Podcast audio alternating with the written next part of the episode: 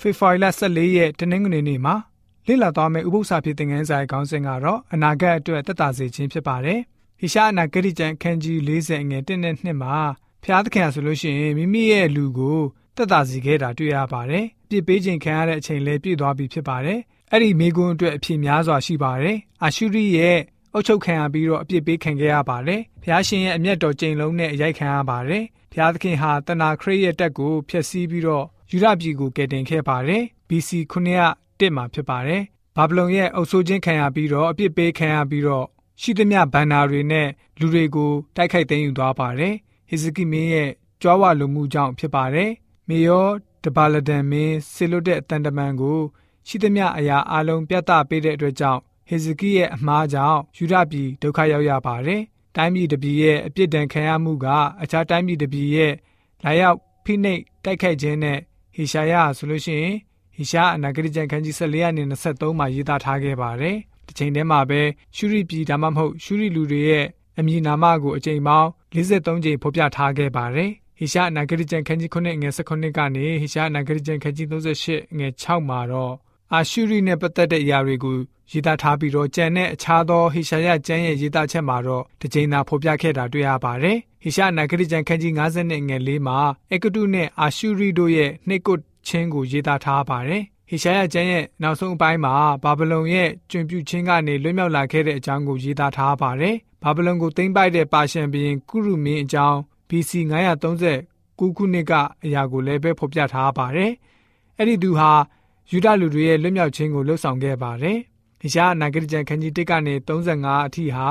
အာရှုရိရဲ့လက်အောက်ကနေလွတ်မြောက်တဲ့အကြောင်းအခန်းကြီး40ရဲ့အစပိုင်းမှာတော့ဘာဗလုန်တိုင်းပြည်အဆုံးသတ်မဲ့အကြောင်းကိုယာစုနှစ်ဝက်ခန့်ကြိုတင်ဖော်ပြထားပါတယ်။ BC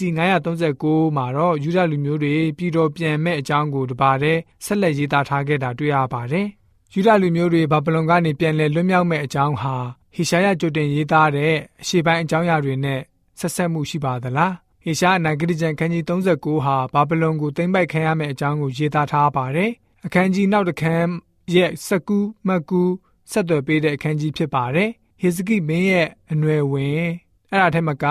ဟိရှာအနာဂတိကျမ်းခန်းကြီး73 14နဲ့21တို့မှာဘာဗလုန်ကြာရှုံးခြင်းနဲ့ဖျားရှင်ရဲ့လူတွေလွတ်မြောက်မဲ့အကြောင်းကိုရေးသားထားတာတွေ့ရပါတယ်။အကြောင်းမူကားထထဖျားသည်ယာကုပ်အမျိုးကိုတနာ၍ဣသေလအမျိုးကိုတဖန်ရွေးကောက်သဖြင့် သူတို့ကိုနေရင်းပြည်၌နေရာချတော်မူလိမ့်မည်ထိုအခါထာတော်ဖျားသည်တင့်ကိုညွန်ညင်ခြင်းစိုးရင်ခြင်းသူတစ်ပါးစစ်စား၍ဆင်းရဲစွာအစီကံကြုံခံရခြင်းတွေကနှုတ်၍ချမ်းသာပေးတော်မူလင်သင်သည်ဘာဗလုန်ဘုရင်ကိုရည်ဆောင်၍ပုံစကားကိုဤသို့မွဲ့ဆိုလိမ့်မည်အစိုးတရားပြုသောသူသည်ဆုံးလေပြီတကားရွှေမြို့တော်သည်ဆုံးလေပြီတကားဆိုပြီးတော့ဖော်ပြထားပါတယ် အဲ့ဒီဖော်ပြချက်အဆိုလို့ရှိရင်ဟိရှာအနာဂရိကျန်ခန်းကြီး40ငွေ1နဲ့2နဲ့ပတ်သက်ဆက်နွယ်မှုအလွန်နီးတယ်ဆိုတာကိုသတိပြုဖို့ဖြစ်ပါတယ်။ဘုရားသခင်ဟာမိမိရဲ့လူတွေခံရတဲ့ဒုက္ခပြီးဆုံးတာကိုဖော်ပြတာပဲဖြစ်ပါတယ်။တမန်ကျမ်းစာကဖော်ပြတဲ့ဒုက္ခဆင်းရဲခြင်းငြိမ်းရာအချိန်ကိုကျွန်တော်တို့ရဲ့အချိန်နဲ့ဘယ်လိုမျိုးဆက်ဆက်ယူလို့ရမလဲ။အဲ့ဒီဂရိတော်ကိုလက်မလွတ်မိစေဖို့ယုံကြည်ခြင်းကိုဘာကြောင့်ဆက်လက်ဆွဲကင်ဖို့လိုသလဲ။ဘယ်လိုပဲရှိနေပါစေ။